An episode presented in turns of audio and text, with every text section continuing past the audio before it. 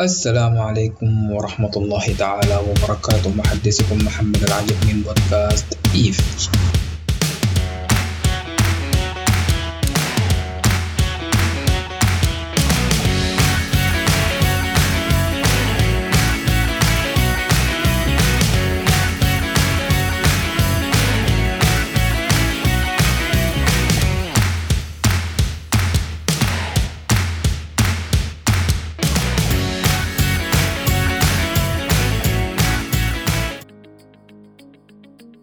طرقات جيدة الإضاءة ولكن توهان شديد. يتصدر غوائم الوضع العالمي في جميع نواحيه اقتصادية سياسية سياحية وأهمها الصحية. كثير الكثير من الحالة المفروضة على الجميع دون رغباتهم ودون خططهم.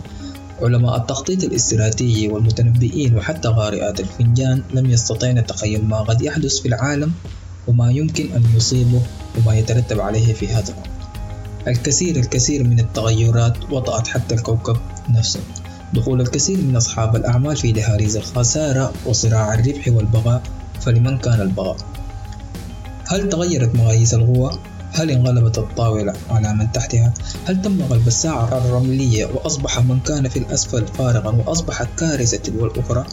ما هو المصير الجديد وإلى أي مدى تغيرت قوانين الطبيعة والتي بديهيا تليها قوانين الاقتصاد وال business. هل سيصبح الكل في منازلهم يعتمدون فقط على الدليفري ويعملون أونلاين؟ هل آن الأوان للتسويق الرقمي أن يتصدر قائمة الوظائف في العالم؟ هل كانت كورونا الضارة النافعة للتسويق الرقمي في العالم عامة وفي السودان خاصة حسنا بالنسبة للتسويق الرقمي وكما قال الفنان العظيم مصطفى سيد في أغنيته يا ضلنا لا بتنسي لا بنمحي لا بينتهي منه الحريق. فالتسويق الرقمي سيكون بمثابة شعلة الأولمبياد التي لا تطفي أبدا. تبغى بغاء سرمديا ببغاء البشرية ولن يكون لأي بزنس حول ولا قوة إلا. فهو الأداة التي تشبه فانوس على الدين والذي يحقق لك ليس فقط ثلاث أمنيات ولكن كل ما تحلم به من نجاح ربح ريادة تطور وسيرا بالحي بالرجل مع التطور السريع جدا الذي يحدث في العالم. ولكن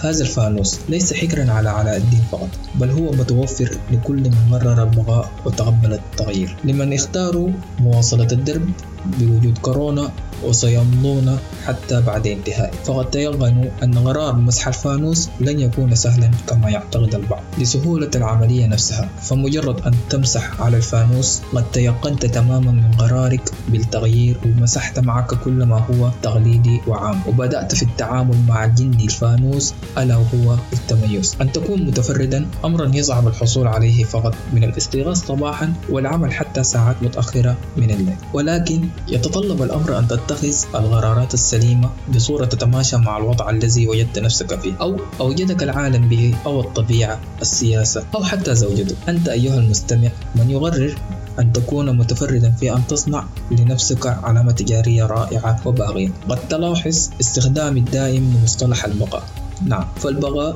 هو ما جبل عليه الإنسان منذ خلقه وإلى هذه اللحظة التي تستمع فيها إلي لأكون صريحا أنا أيضا أصارع الآن لأن أجعلك تستمع إلى كلامي حتى أقر وأتمنى جدا من أن لا أحيد عن الخط الزمني لهذه الحلقة. لذلك لندخل إلى لب الموضوع مباشرة ونتحدث عن الكورونا وتداعياتها على التسويق الرقمي والبغاء. سنأخذ واحدة من أجمل الأفكار الإبداعية التي يمكن أن تراها بحياتك الفكرة بالتفصيل. مثل ما أوضح لنا جميعا تأثير جائحة كورونا على الكثير من الصناعات والمجالات. البعض استسلم والبعض الآخر لم يجد حلا ولكن هناك أغلية اجتهدوا في التفكير خارج الصندوق. وإليكم هذا المثال. نادي بروسيا مونشنجلادباخ الألماني. بسبب منع الجمهور من الحضور بسبب فيروس كورونا. وانهيار مبيعات النادي في الفترة الماضية ومع قرب عودة الدوري فكرت إدارة النادي بفكرة مجنونة. مفادها ماذا لو استطعنا بيع قطع من الورق المغوى الذي يحمل صور لجماهير النادي ووضعها في المدرجات وبيعها من خلال تطبيق على الإنترنت. بأسعار مناسبة وفي متناول الجميع.